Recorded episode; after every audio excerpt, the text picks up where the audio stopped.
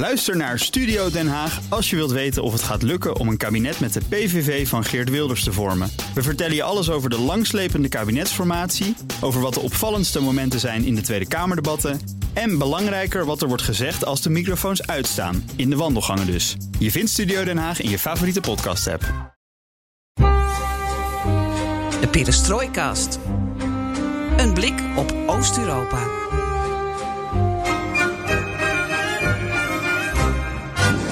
Welkom bij BNR Perestrooikast, aflevering 90 alweer van de enige podcast van Nederland die volledig oog voor het oosten heeft en geeft. Met veel verkiezingsnieuws uit onze regio.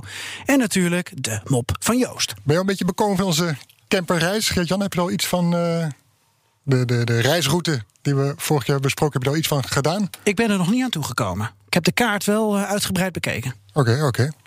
En de Sloveense wijn? Die ik had gegeven? Is ik die zat al, uh... achter het stuur hè, bij onze camperreis. Dus uh, bij aflevering 89. Dus ik kon niet drinken. Nee, ik heb gisteravond een, een slokje genomen. Heerlijk. -hmm. Heerlijke wijn, ja.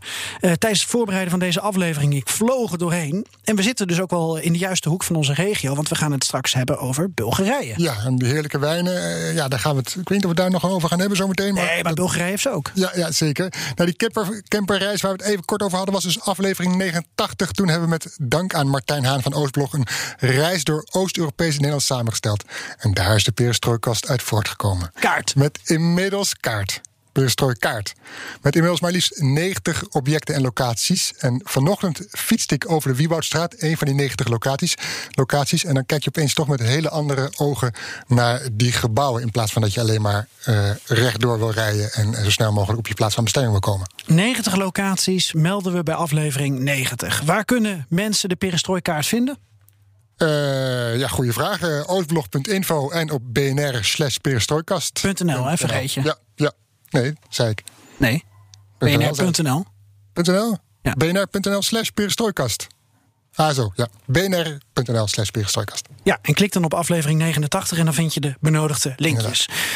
Wat leuk is, Floris, is dat we heel sociaal en democratisch zijn. Mm -hmm, zeker. Je kunt ons mailen op perestrooikast.bnr.nl of ideeën inbrengen via Twitter perestrooikast. En we doen daar zeker wat mee. Ik ben Geert-Jan Haan. En ik ben Floris Akkerman. En dit is BNR Perestrooikast.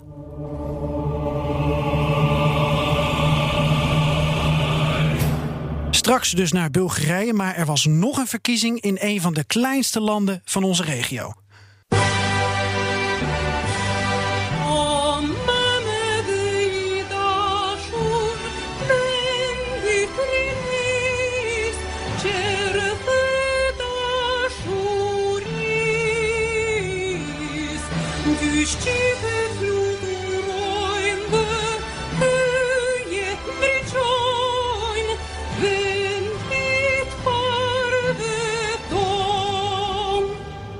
Kosovo, daar hebben we het over. De nieuwe president van het land heet Vjosa Osmani. Zij is 38 jaar en staat al langer bekend als misschien wel de populairste politicus van dat land. Sot Kosova zgjodhi edhe një herë një presidente grua. Për të gjitha vajzat e vogla që mund të jenë duke na shikuar në këto momente, shpresoj që ju për herë ta mbani në mend këtë që po e them tani. Vajzat e kanë vendin vetëm aty ku ato vetë dëshirojnë, aty ku ato çdo natë ndërrojnë, aty për çka ato punojnë fort e me zell. Meisjes hebben het recht om alles te worden wat ze willen, zegt ze. Ze kunnen elke nacht over een toekomst dromen waar ze hard en toegewijd voor werken. Dat is wat zij met haar verkiezing nu heeft bewerkstelligd. Ja, zij volgt Hashim Tachi op. Die stopt in november omdat het Kosovo-tribunaal in Den Haag hem gaat vervolgen voor oorlogsmisdaden en misdaden tegen de menselijkheid. De man onder wie Kosovo in 2008 ook de onafhankelijkheid uitriep, uitriep en dus een nieuwe generatie nu aan de knoppen. Ja, je hebt natuurlijk premier Kurti, die is natuurlijk belangrijker dan een president. Maar uh, Osmani is geboren in 1983, dus inderdaad, nieuwe lichting. En ze is heel geliefd en ze brak bij de parlementsverkiezingen al alle stemrecords. En nu is ze president. Ja, en daarom heb je contact opgenomen met Stefan Dijk. Hij is de bekendste Nederlander van Kosovo. Kosovo. Ja, ik wil de nieuwe president beter leren kennen. En Stefan eh, van Dijk heeft korte lijntjes, is ook een beetje bevooroordeeld, want was lid van haar communicatieteam tijdens die eerdere parlementsverkiezingen. Mm -hmm. Maar hij kan het enthousiasme van de Kosovaren in, in haar geval wel goed omschrijven. Allereerst geeft hij een korte profielschets. Vjosa Osmani is een 38-jarige juriste. Dat is hier in het jongste land van Europa al relatief oud. ze is onder andere gepromoveerd aan een Amerikaanse universiteit. Dat zegt dus iets dat ze enerzijds intellectueel is. En anderzijds ook ja, zich erg verbonden voelt met Amerika en in het ja, Kosovo wil zich toch altijd als meest pro-Amerikaanse land ter wereld uh, branden. En daar past ze dus uh, prima in. Ehm, ze is haar hele leven, eigenlijk al sinds haar tienertijd, actief in de politiek. Hè? Dus ook als activist voor de LDK. En de LDK, dat was de pacifistische beweging tijdens de jaren negentig. Ehm, en nog steeds dus een gevestigde politieke partij. Zij was er zelfs uh, tijdens de verkiezingen van 2019 de lijsttrekker voor. Dus dat uh, geeft wel aan hoe belangrijk zij al was. En um, zij heeft toen de verkiezingen net niet gewonnen. Maar na de verkiezingen um, uh, is zij uit de partij gezet. misschien kun je het nog wel herinneren. Er was een nieuwe regering. En die viel al na twee maanden onder druk, ja, indirect van Donald Trump en zijn uh, uh, hulpje Richard Grenell. En zij was daar zeer op tegen. En um, zij is toen ook uh, onder andere daardoor uit de partij gezet. Fios Osmani heeft een gezin ook. Daarbij belangrijk om te vermelden, um, ze is ook moeder van een tweeling van een jaar of zeven. Haar man is Kosovaar, opgegroeid in Australië. En in dit, uh, in dit land de, met een gezinscultuur is dat heel belangrijk. En zij uh, ja, zegt ook dat haar tweeling eigenlijk haar dagelijkse inspiratie is om, uh, om te strijden. En dan de vraag, wat maakt haar benoeming los in Kosovo? Waarom is ze nou zo populair? Hè? Nou, Stefan van Dijk, die vertelt. Ja, Vjosa Osmani is extreem populair omdat ze vooral veel uh, anticorruptie-uitspraken doet en eigenlijk dat ook wel belichaamt. Uh, het is een hele sterke vrouw, ze is erg feministisch en op mij komt ze. Persoonlijk zou ik misschien haar kunnen omschrijven als de ideale grote zus binnen de Kosovaarse uh, context. En uh, ja, dus heel slim, met veel ervaring en tegelijkertijd ook gewoon heel lief en charmant. Ehm, Tijdens de verkiezingen uh, van uh, vorige maand is zijn nieuwe partij gestart en is eigenlijk een lijstverbinding aangegaan met de extreem populaire oppositiepartij Vert van Dosje van Albin Koerti. Wat een meer linkse partij is en zij noemt zichzelf centrum rechts. En um, um, ja, dus eigenlijk waren het twee partijen die samen gingen. Uh, in de hoop dat ze de verkiezingen zouden winnen. Dat is ook gebeurd met uh, ruim 50 procent. En uh, dat werd dus een soort hervormingscoalitie. En ja, zij had eigenlijk, ook al waren de parlementaire verkiezingen, was het eigenlijk een soort ticket van, nou ja. Wij willen de grootste worden en dan wordt Albin Koerti de premier. En binnenkort komen de presidentsverkiezingen en dan wordt zij de president. En ja, um, zij is toen ook, ze heeft ook de meeste stemmen ooit gekregen voor een Kosovaarse kandidaat. Uh, en dat is vrouw, dus het is uh, ja, super bijzonder en ze is zeer geliefd. Ik ben wel benieuwd hoe zij dan in de omgang is als Stefan haar van dichtbij heeft leren kennen. Kan hij er wat meer over vertellen? Ja, heb ik hem gevraagd. Luister maar. Ja, ik heb het voorrecht gehad om, uh, om haar al een aantal keren te ontmoeten en uh, uh, ook met haar samen te werken, omdat ik in het communicatieteam van haar nieuwe partij zat tijdens de verkiezingen. En ja, ik kan alleen maar onderstrepen dat ze is zoals we, uh, ja, wij haar hier kennen in de, in de media. Ontzettend hartelijk, um, heel uh, open communicatief. Ook al heeft ze de hele dag uh, campagne gevoerd, dan stond ze toch nog open voor een suggestie bijvoorbeeld van, van mijn kant om 9 à 10 uur s avonds. terwijl wij misschien al wel behoefte hadden om, om, om naar bed te gaan. Haar man is ook uh, bijzonder, hè? De, first gentleman, uh, moet ik dat volgens mij zeggen. Is uh, bijzonder vriendelijk en hartelijk ook. En daarmee hebben ze denk ik ook bij de Kosovaren wel een enorme gunfactor. Want het, het is ook gewoon een ontzettend lief gezin. Zij twee van die ja, mensen eind 30 met een schattige tweeling. En um, ja, ik denk dat, dat ze is wat ze preacht. Maar kan ze waarmaken wat de Kosovaren wensen? Is er niet te veel hoop op haar gevestigd?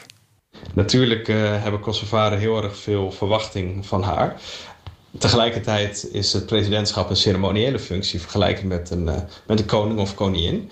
Uh, maar juist daarin helpt het natuurlijk heel erg dat het een slimme, jonge vrouw is. En met dezelfde idealen als de Verenigde Staten en de EU als het gaat om, om Kosovo. En dat helpt wel, denk ik. En dat, is, dat helpt de nieuwe regering ook, denk ik. Met name ook het buitenlandbeleid natuurlijk. de erkenning van Kosovo als onafhankelijke staat.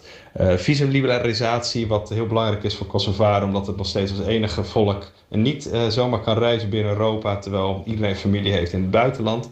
En ik denk dat zij daarin uh, ja, heel nuttig kan zijn. En tegelijkertijd binnenland een soort rolmodel kan zijn, wat ze eigenlijk al is. Met name richting vrouwen, om um, ja, te, participeren um, en, ja, en voor, het, uh, voor, voor het hoogste eigenlijk te gaan. En daarin zie ik vooral haar kracht en de mogelijkheden. En ja, zal er natuurlijk veel meer van haar worden verwacht. Maar uh, zoals dat met elke her hervormen gaat, uh, dat kun je nooit waarmaken. Uh, persoonlijk ben ik al heel erg tevreden als ze die puntjes kan, kan doen die ik net noemde. En hopelijk stemt dat de Kosovaarder dan ook gelukkig. En dat was Stefan van Dijk vanuit Kosovo over de nieuwe president Vjosa Osmani. Overigens, Floris, nog een jonge vrouw die furoren maakt op de Balkan. Want Sarajevo heeft een nieuwe burgemeester, Benjamina Karic. En zij is geboren in 1991. Jouw nieuws. Mijn nieuws. Uh, ja, ik heb getwijfeld over Navalny, de Sovjet-versie van de Lord of the Rings. De sluiting van de Jelisejevski supermarkt in Moskou aan het Tverskaya Ulitsa met zijn beroemde interieur en rijke historie. Maar het werd toch Oost-Oekraïne, waar oorlog over de markt hangt. Met Russische troepenverplaatsingen, Zelensky die het front bezoekt en Washington zijn steun uitspreekt aan Kiev. om te beginnen, het is daar natuurlijk al oorlog. Hè? Met Russische aanwezigheid, militair, economisch en financieel.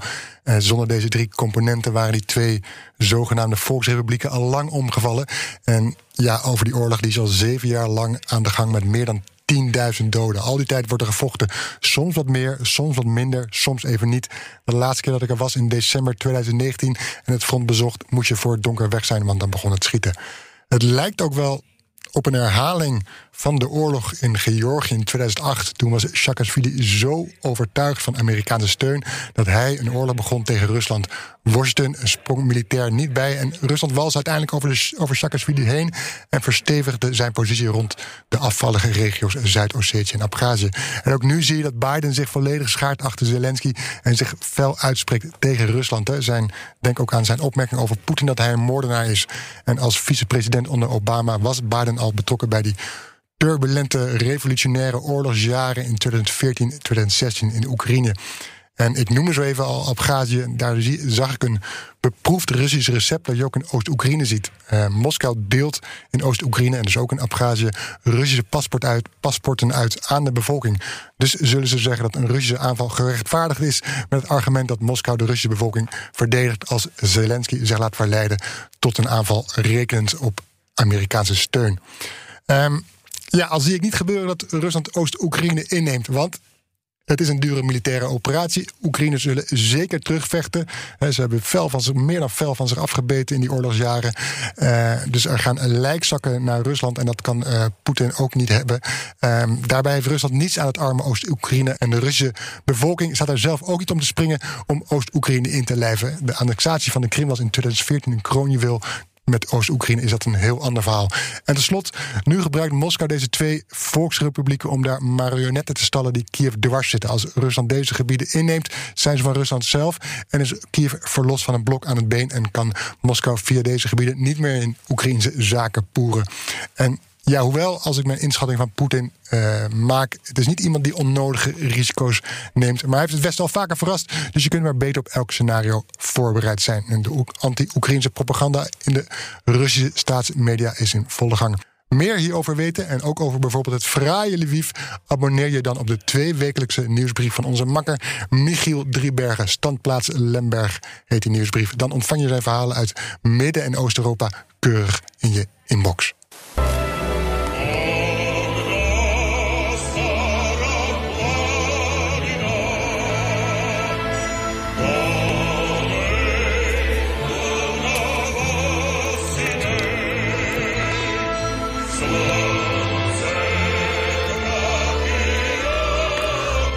Bulgarije. Ik word dit zo zat, Floris. dat jij niet over die volksliederen heen wil praten. Bulgarije. Een prachtig land aan de Zwarte Zee. Met heerlijke wijnen, geweldige cultuur en architectuur.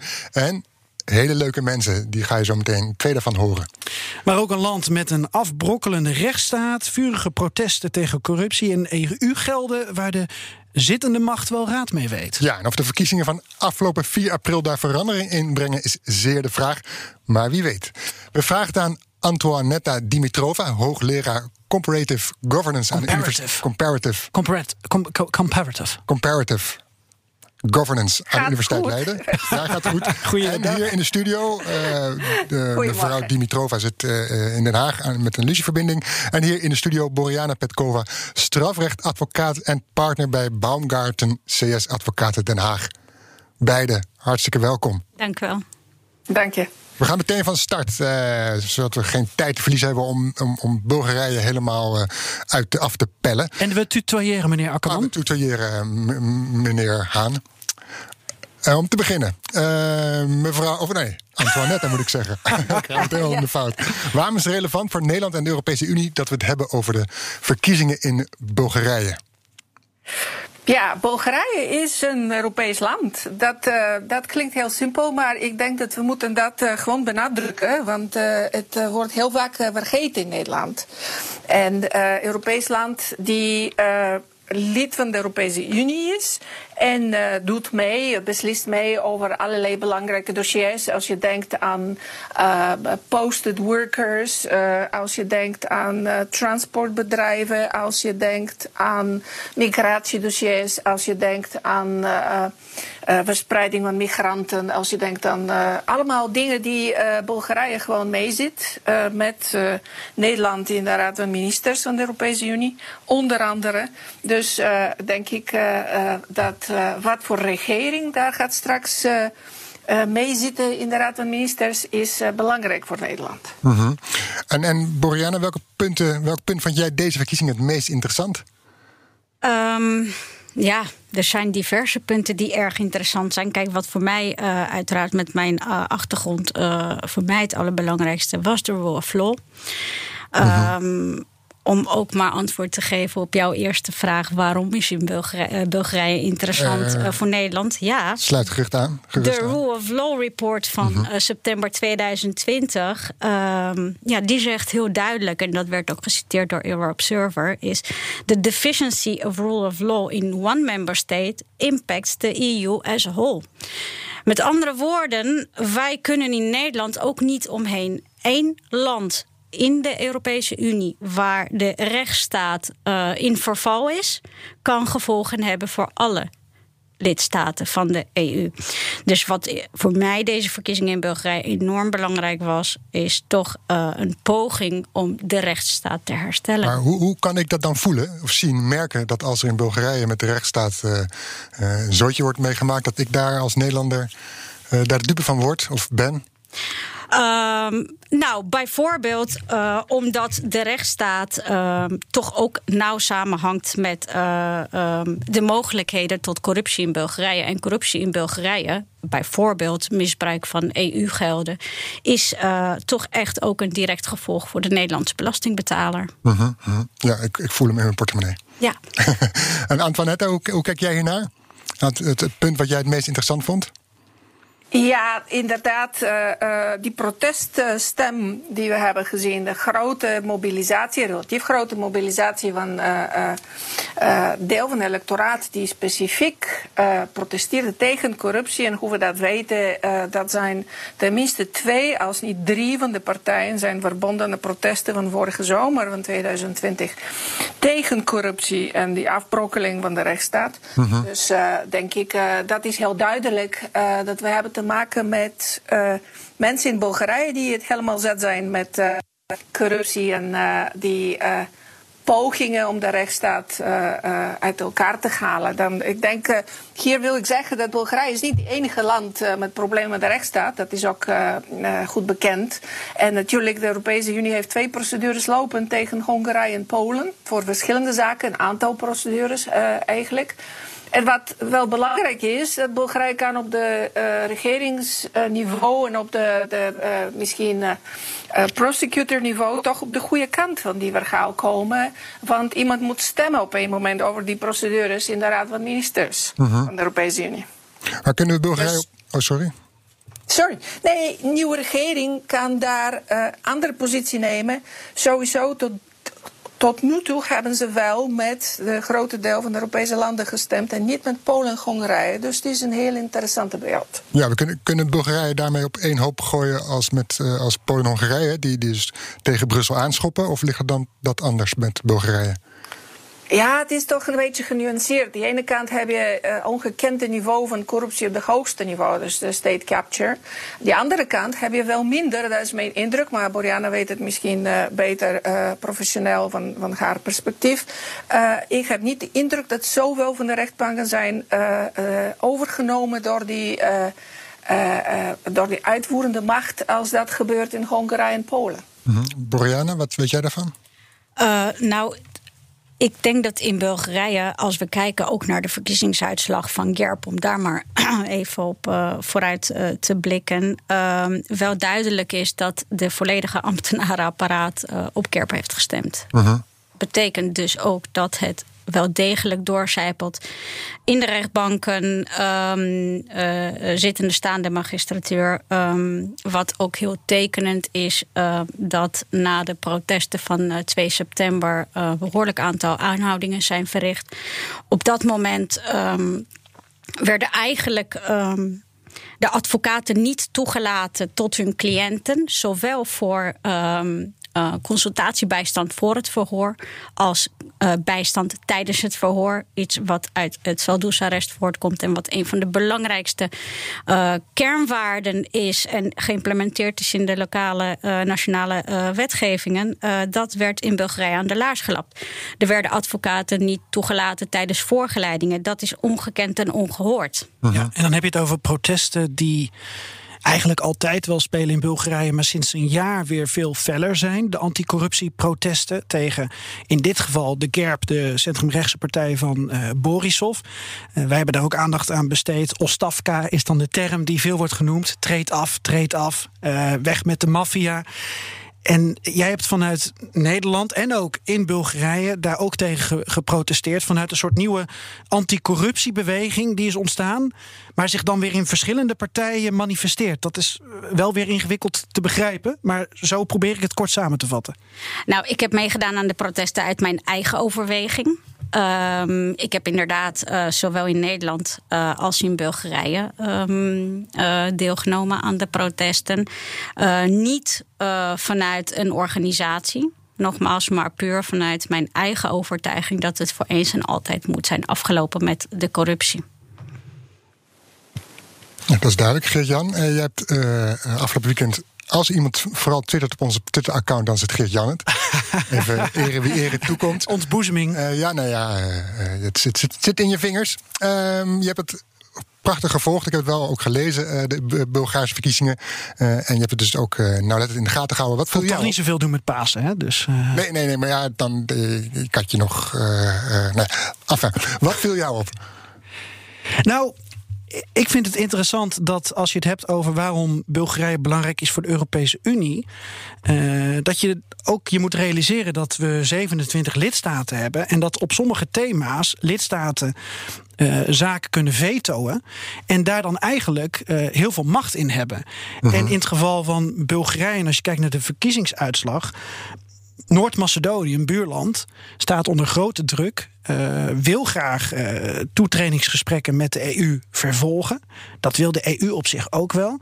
Eerst was er druk vanuit Griekenland. Toen is de naam veranderd van Macedonië in Noord-Macedonië. Maar er is ook druk vanuit Bulgarije. En die komt vooral vanuit nationalistische hoek.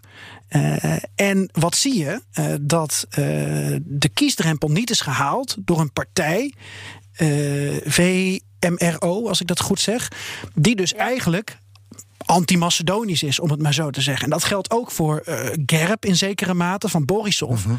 Maar dat betekent dus dat Borisov heeft bijna premier, geen. eh, de, de, de, nou ja, als ze eruit komen, maar nu in ieder geval Ja. premier. Mhm. Hij heeft bijna geen partners die de kiesdrempel hebben gepasseerd om die anti-Macedonische retoriek door te kunnen eh, blijven voeren.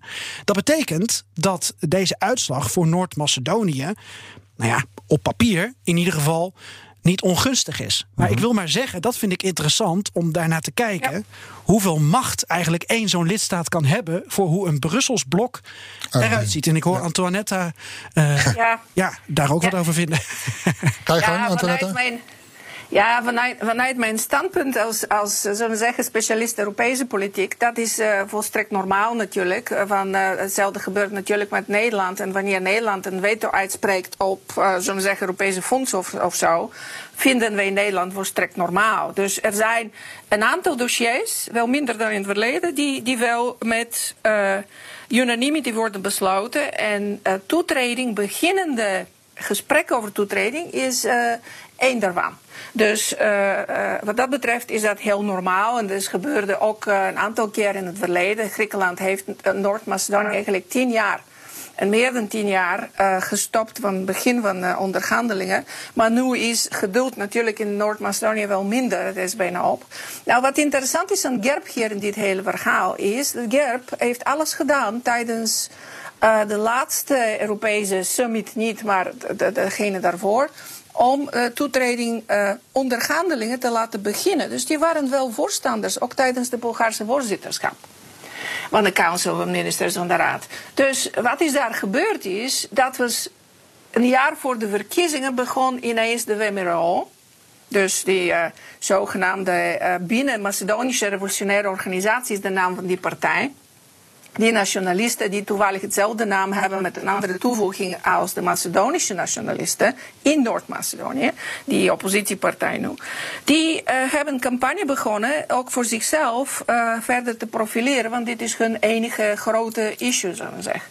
Nou, wat is niet duidelijk nu, met de huidige configuratie, is wat voor rol qua nationalisme wordt gespeeld door de partij van showman eh Slavi Trifonov. Er Mhm. De is tweede zo'n partij volk. nu bij de De zanger. Ja, de tweede partij nu. Mhm. Zogenaamd, er is zo'n volk. Het lijkt alsof hij wacht eh, om een mandaat te krijgen via de president om eh, een poging te maken regering te formeren.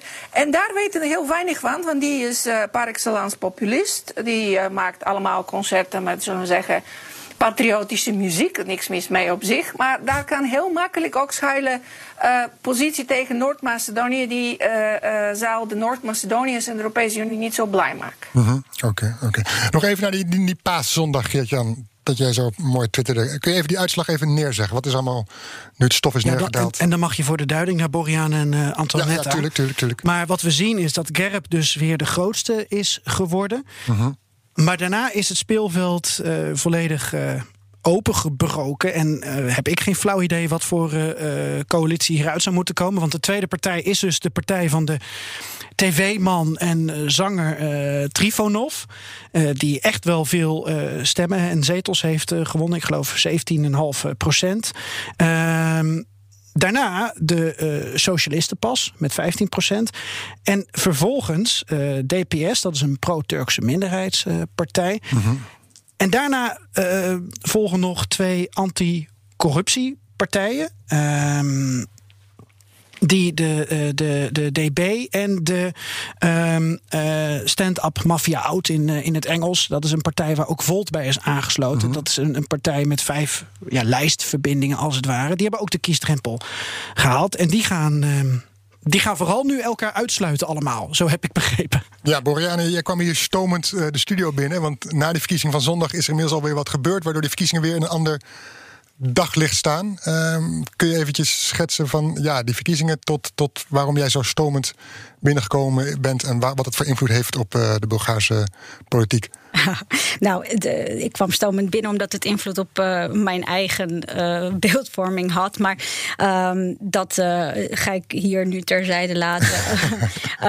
ja, de commentaar op de verkiezingen. Nou, ik, um, ik sta er niet van te kijken dat Gerb de 75 zetels binnen heeft gehaald. Nogmaals, zoals ik al aangaf, de ambtenarenapparaat in Bulgarije is gigantisch. Dus die steun hebben ze sowieso.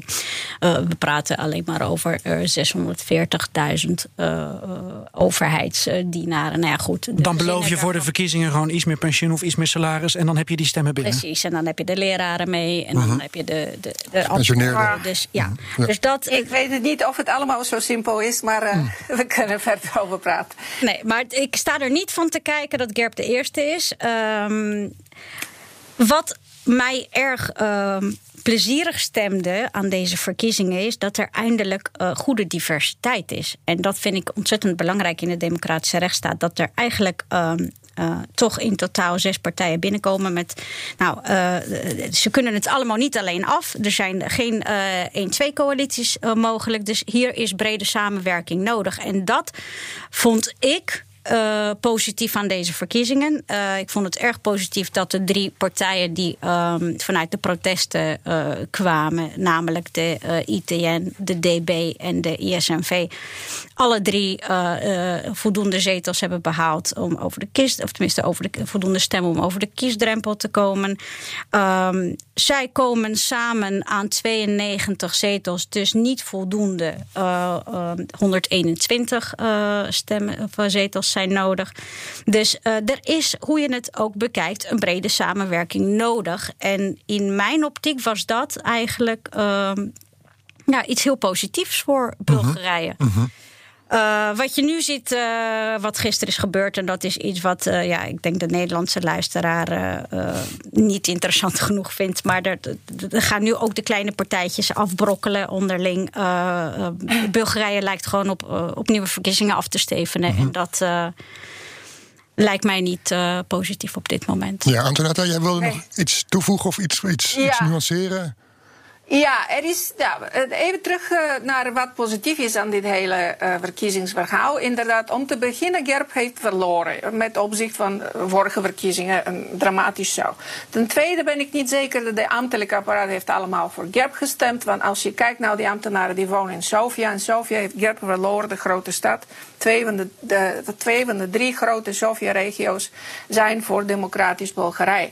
Wat het probleem meer met Gerb is, dat we zien heel duidelijk aanwijzingen voor manipulatie van de stemmingen in de, uh, in de buurten waar de Romen wonen. En dat, uh, dat is iets dat heel duidelijk manipulatief en monoliet voor Gerb is gaan. Maar als je kijkt naar die uh, goede, goede stemmen afbreken, tenminste in Sofia, dus als je praat over centraal ambtelijk apparaat, dan denk ik niet dat ze hebben allemaal voor Gerb gestemd. Mhm. Maar sowieso, de, de, bottom, de bottom line hier is, dat Gerb is wel te lang aan de macht geweest. Ze hebben vanuit het optiek van gewoon politieke theorie, als je wil, uh, wat ze doen hier is, ze gebruiken uh, allemaal de instellingen van de staat, wat ze noemen die administratieve uh, macht, voor om weer gekozen te worden. En wat dat betreft, ze hebben best klein gewonnen. En dan die andere goede lichtpunt dat we hebben niet genoemd, dat is democratisch Bulgarije, democratisch Bulgarije is die partij die, die eigenlijk vijfde kwam, dat is een coalitie. En de, de helft van die coalitie zijn de Groenen. En de Groenen in Bulgarije zijn een heel ervaren groep van mensen die heel lang en heel actief zijn om de natuur te beschermen. Ook Europese regels gebruikend. Ze zijn heel goed in, in de verdediging van de Bulgaarse natuur. Nou, uh, die heeft wel, dat wel nodig. Want uh, heel veel uh, van die grote oligarchs hebben best ideeën dat minder natuur en meer bouw voor zichzelf moeten nemen. Zeker op de Zwarte Zeekust. Dus daar heb je een hele ervaren groep mensen die lang hebben alle mogelijkheden van de democratische staat en ook van de Europese Unie gebruikt om uh, een beetje de regering tot orde te roepen. Dat vind ik heel goed nieuws. Nou, wat Boriana zegt, bottom line, uh, ze kunnen allemaal niet uh, met deze percentages een regering vormen. Dus die enige mogelijke regering is een regering van de tweede partij van Trifonov. Er is zo'n volk met brede coalitie met steun van de socialisten. Of dat een goede ding zou zijn, is niet duidelijk. Maar snelle nieuwe verkiezingen zullen ook een heel slecht idee zijn. Want het was zo, sowieso moeilijk om mensen te mobiliseren te stemmen. Absoluut. Ja. Toen, toen vor, vorige zomer, Geert-Jan refereerde er al aan... over die protesten tegen Borisov. Uh, die massale protesten in, in Sofia en waarschijnlijk ook wel erbuiten. Uh, hij leek op weg naar de uitgang. Ja, misschien is dat ook al westers wensdenken vanuit ons uh, dat zou kunnen, perspectief. Uh, maar wat, hij, hij, hij, kwam toch weer als, als grootste, weliswaar als verlies uit de bus. Wat is dan dat zijn geheim dat die, uh, die protest heeft overleefd? Hij wilde het gewoon niet loslaten. Mm -hmm. Borisov wilde gewoon niet loslaten. En hier hebben we te maken dat achter Borisov staan een aantal oligarchen die begrijpen heel goed dat als die model wordt ontmanteld, dan krijg je heel veel problemen met de manier waarop ze van de staat stelen. Dus hier hebben we niet zoveel uh, verliezen democratische legitimiteit, wat je hebt in een normale democratische rechtsstaat, maar we zitten echt op het randje van autoritaire staat dat wil niet de macht loslaten. Daarom voor mij is het belangrijkste nu dat GERB niet een regering vormt. Alle andere dingen kunnen ze uitzoeken. Ja. Uh, Boriana, ik zie jou knikken. Ja, heeft, hoe heeft hij die protesten overleefd, Borisov? Uh, de aanhouder wint. Ja, helaas. Hij heeft mm -hmm. het inderdaad, uh, exact zoals Antoinette zegt... door niet los te laten, is hij daar doorheen gekomen.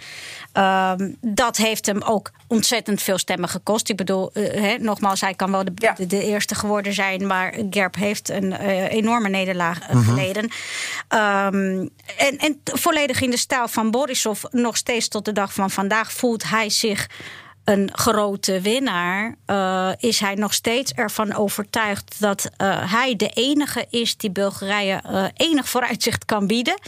Dus ja, de, de, de, de, de, de oogkleppen van Borisov zijn frappant. Ik... Mensen hebben toch op hem gestemd om iets. Sorry. nog mensen hebben toch niks voor niks nog, nog een keer, ik praat er doorheen. Ja, nou, dat... Dus dan moet, hij, dan moet hij toch iets hebben gedaan waardoor die mensen toch op hem blijven stemmen. Wat doet hij dan? Ja, Borisov heeft uh, zeker met de eerste, de tweede regering, die heeft best uh, voor economische groei gezorgd. Nou, in hoeverre mate is dat uh, aan hem toe te wijden dan aan, aan, aan natuurlijk aan Europese fondsen, naar foreign direct investment. Dat is een ander verhaal. Maar die ziet zich, zichzelf ook als de leider van de stabiliteit. En als jullie kijken nou naar Nederland, op een ander niveau, is dat niet zo anders dan Rutte. De, de, Borisov Vergouw is een beetje het land moest bestuurd worden. -hmm. Aha. En dat, dat is heel belangrijk daar, omdat hij overtuigt die, die, die bewoner van de kleine stad, van de dorp, niet van de grote steden, maar wel die anderen wel. Ik, ik heb nog een vraag als uh, geïnteresseerde, want hier weet ik niet genoeg van. Maar toen er voor de verkiezingen, dat heeft Floris toen ook in een eerdere aflevering even benoemd. Toen er een spionagerel ontstond met, uh, met Rusland, uh, was Borisov heel boos en toen was het Kremlin weer boos. En ik vroeg me af, ik moest denken aan hoe Mark Rutte vier jaar geleden bij de verkiezingen in 2017 ruzie maakte met Turkse diplomaten. En ik dacht, oh, zou Borisov nu hier een, een soort kaart spelen om, om stemmen mee te winnen, dat hij opzettelijk nu ruzie maakt met de Russen. Ik, ik ben wel benieuwd, want dan kunnen we ook een beetje uitzoomen naar de landen eromheen. Zou dit kunnen of uh, geloof ik te veel in sprookjes, uh? Nou, ik, zou, ik ben hier niet verbaasd over. Dat zou heel goed kunnen. kijk, wat ik eerder denk dat een rol heeft gespeeld... is het feit dat in Amerika inmiddels natuurlijk de nieuwe administratie is gevestigd. Dus het is niet ondenkbaar dat Borisov daar even in goed daglicht wilde komen... met de verkiezingen in aantocht toch ook bij de uh, EU een wit voetje halen. Dus uh, uh, daar zou ongetwijfeld, ja. Het zou kunnen. Ja. Antoinette? Ja, spelen een aantal dingen. Uh, Borisov is sowieso altijd, uh, heeft zichzelf als pro-Westers geprofileerd. Uh, die die relatie met Rusland is wel kouder dan, dan het uh, kon zijn.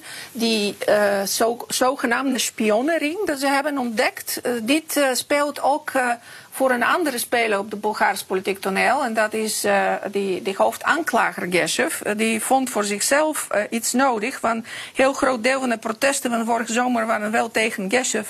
En zagen hem ook als iemand die getraind is in de, zullen we zeggen, de Sovjet-stijl van aanklager zijn. minder, minder recht, meer dwang. En, en daar wilde hij ook zichzelf profileren.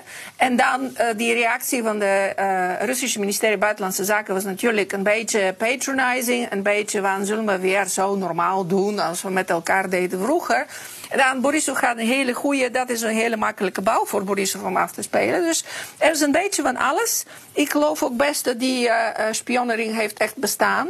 Dus uh, er is, dit is een combinatie van dingen die heel gunstig moesten spelen voor Borisov. Maar mensen waren een beetje meer zat en ze hebben dat ontzettend wel onderschat. Uh -huh. Als ik even kijk naar de jonge generatie Borianen, uh, die Bulgarije niet kent onder het, uh, van, van het communisme, uh, communisme, hoe kijkt die naar Rusland? Nou, ik denk dat de jonge generatie in Bulgarije um, erg pro-EU is. Ja. de EU heeft um, kansen geboden die hiervoor niet aanwezig waren. Uh -huh. En je ziet het aan het aantal Bulgaarse studenten uh, uh, wat buiten Bulgarije uh, aan universiteiten en hogescholen studeert. Dus ja, ik denk dat. en dat, dat, dat, zie je ook bijvoorbeeld in de steun voor democratisch Bulgarije, zijn voornamelijk jonge mensen. -huh, jonge -huh. mensen die in het buitenland studeren. En dat zijn allemaal pro-EU mensen. Ja, ja, ja. En, en, en, en desinformatie, trolling, speelt dat nog een rol deze verkiezingen? Ik weet niet wie van jullie twee daar eventueel. Vanuit Russische of Turkse hoek misschien? Niet, niet zowel als, als ik uh, had uh, verwacht. Uh, mijn indruk is het sowieso dat iedereen die in de macht was. En hun vrienden in het buitenland verwachten dit een beetje een dan-deal-verkiezing zou zijn. Wat dat betreft, de verkiezing was verrassend. Om ten eerste was een lage opkomst verwacht wegens corona. En de pandemie uh, stemmen was niet zo bijzonder goed geregeld, uh, zullen we op zijn mails uh, zeggen. Ten tweede, ze hebben heel veel gedaan om stemmen in het buitenland moeilijk te maken. Dat hebben we allemaal gezien, met de grote rij in Londen bijvoorbeeld. Mm -hmm. Dus... Um, ze verwachten niet dat nou zo'n grote op, opkomst, zo verschillende uh, partijen zullen naar boven komen. En wat dat betreft, deze informatie was in, in mijn opzicht minder dan ik had verwacht. Het was niet de indruk dat dit een hele belangrijke verkiezing was. Ja. Waar ik dan benieuwd naar ben, hoe nu verder? Want jullie geven allebei aan ah. dat, dat ja, misschien, ja, Boriana zei dat al hardop, nieuwe verkiezingen misschien wel onontkoombaar. Boriana, denk je ook dat er nieuwe protesten komen? Denk je dat uh, de mensen die zo hard ook uh, tegen de corruptie hebben gestreden het afgelopen jaar door de straat op te gaan, op welk punt denk je dat zij weer van zich laten horen? Ik denk het wel. Ik denk um, dat. Um, kijk, eerst met de eerste vraag maar beginnen. Ja, hoe nu verder? Um, ik ben geen voorstander van nu direct nieuwe verkiezingen. Ik vind dat de partijen het verschuldigd zijn aan de mensen die voor hen hebben gestemd. om op zijn minst een poging te wagen tot een uh, regeerakkoord te komen. Uh, zoals Antoinette al aangaf, er is uh, inderdaad de steun van de socialisten nodig. Nou, dat hoeft niet per se in de vorm van een coalitie te zijn. Dat kan ook in de minderheid parlement of minderheidsregering met de steun van de socialisten. Um, ik vind dat een poging tot het maken van een regeerakkoord cruciaal is op dit moment. Er moeten cruciale wijzigingen worden doorgevoerd in Bulgarije.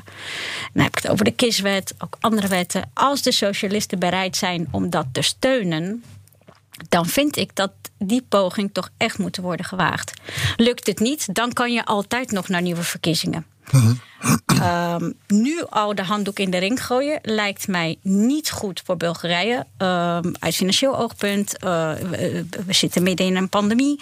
Um, Bulgarije kan zich niet veroorloven om uh, uh, ja, een soort paniekvoetbal maar nu te spelen. Jij zegt dus wel Borisov is uitgespeeld. Borisov is uitgespeeld. Die gaat het mandaat doorgeven aan Trifonov. En ja ik zou zeggen, Trifonov, doe je best om tot een uh, regeerakkoord en tot een coalitie te komen. En pas als dat echt niet kan, uh, dan nieuwe verkiezingen. Nou ja, wat Trifonov natuurlijk wel uh, al voor de verkiezingen heeft gezegd, is: um, ik sluit bij voorbaat al de zittende partijen uit. Betekent dus ook de socialisten. Dus ja, in hoeverre hij bereid is om de egels opzij te zetten en compromissen te sluiten, dat zou nog moeten blijken. Ze hebben zowel voor de verkiezingen als na de verkiezingen ontzettend weinig van zich laten horen. Dus het is een beetje gissen van ja, waar staan ze nou precies voor? Hoe staan ze erin?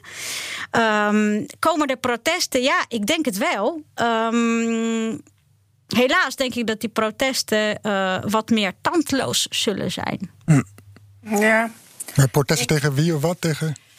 Uh, ja, tegen het, het, het, tegenvallende uh, vormen van een regering, denk ik. Ja, hm. dat denk ik. Tenminste, dat is.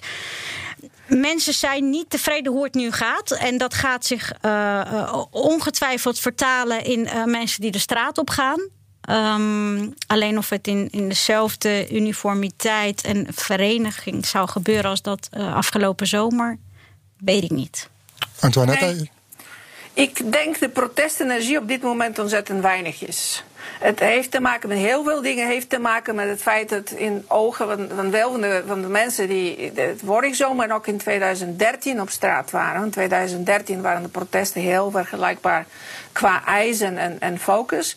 Die zijn nu of buiten Bulgarije, dus deel van de diaspora, of die zijn op dit moment uh, gewoon moe.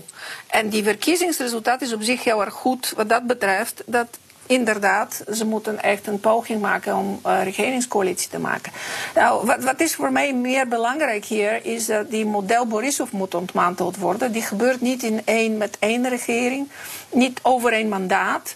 Van, waar Borisov's Gerb heel sterk is, zijn in de kleine plekken, in de dorpen, in de kleine steden waar iedereen elkaar kent. Um, we horen ook uh, gekke verhaal over iemand die, die is geslagen omdat niet genoeg stemmen voor Gerb zijn gekomen in een kleine dorpje uh, ergens in Noord-Bulgarije aan de Zwarte Zee.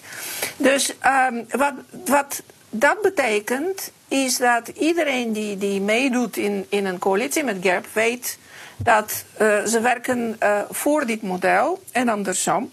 Maar uh, mijn grootste zorg hier is wat doet de Turkse partij. Want we moeten ze heel goed uh, uh, we moeten denken aan uh, de Partij voor, voor Recht en Vrijheid van Dogan en Nupevski.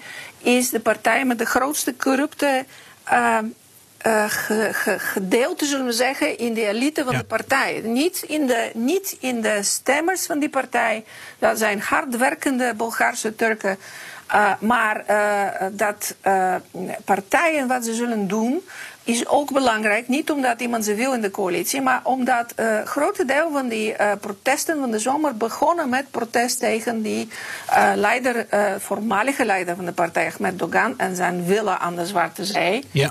Uh, die zijn een belangrijk element in die corrupte model. Dus elke regering die regeert met die partij, die maakt zich ook, ook schuldig, niet alleen symbolisch, maar gewoon heel feitelijk, uh, on the ground, uh, um, om deel te nemen van die corrupte model. Dus feitelijk, dat is de dividing line. En dat ja. moeten we kijken hoe dat gaat. Het is heel gecompliceerd. om hem af te ronden, een vraag voor jullie beiden. En voor Floris, ik begin gewoon met jou, Floris, uh-huh. mag dat? Ja. Uh, welk land heeft eerder een regering? Nederland of Bulgarije? Bulgarije. Zij vol overtuiging. Uh, Boriane, wat denk jij? 100% Nederland. Antoinette? Uh, allebei in twee maanden. Zo. Oké, okay, daar, daar durf je wel een goede fles Bulgaarse wijn op in te zetten. Ja, prima. Oké, oké. Uh, okay, okay. Dan gaan wij die uitdaging aan. gaan ze allemaal, allemaal tegelijk heel moeilijk doen. Oké. Okay. Misschien uh, moeten ze bij elkaar om de tafel gaan. Nou ja, ja. Rutte en Borisov kennen elkaar al een tijdje. Dus, uh... Ja, die zijn de oudste twee zittenden, vergeet het niet. Dank jullie wel, uh, Boriane Petkova, strafrechtadvocaat en partner bij Baumgarten CS Advocaten Den Haag. En Antoinetta Dimitrova, hoogleraar Comparative Governance. Aan Universiteit Leiden. Universiteit Leiden, bedankt. Hartelijk dank. We hebben nou eens nog een mop en die gaat over Bulgarije. Wil je hem even meeluisteren? Hij is ingesproken door Joost. Kan nog net, toch? Oh, een mop over Bulgarije. Ja. Leuk, leuk. Floris, hoi. Ik, uh, ik heb wat gevonden. Zo waar. Ik zal er een kleine inleiding bij uh, doen bij deze. Uh, komt u hoor. Ik kende de Bulgaarse volksaard niet zo heel erg goed, maar een klein beetje onderzoek leerde mij dat uh, Bulgaren de naam hebben om nogal gierig te zijn. Nou ja, er zijn natuurlijk meerdere volkeren waarvan het gezegd wordt, maar goed, dit gaat over Bulgaren. Um, dit ter uh, inleiding. Um, er komt een Bulgaar, uh, loopt in Parijs en die ontmoet een landgenoot. Uh, en die landgenoot die herkent hem, ze kennen elkaar en hij zegt: Hé, hey, wat doe jij hier? Nou, zegt, hij, uh, zegt de ander: ik, heb, ik ben op huwelijksreis. Oh, zegt die andere Bulgaar. En waar, waar, waar, is je, waar is je jonge bruid dan? Oh, zegt hij: Die, die is niet mee. Die, die was drie jaar geleden al in Parijs. Kijk. Zij moeten lachen. En toch, en toch herken ik uh, de Bulgaren hier absoluut niet in. heel goed, heel goed. Dank jullie wel uh, ja, nogmaals. En dank dan aan Joost Bosman voor een grap die blijkbaar uh, een beetje goed valt. Dus voor zijn doen wel knap. Ja.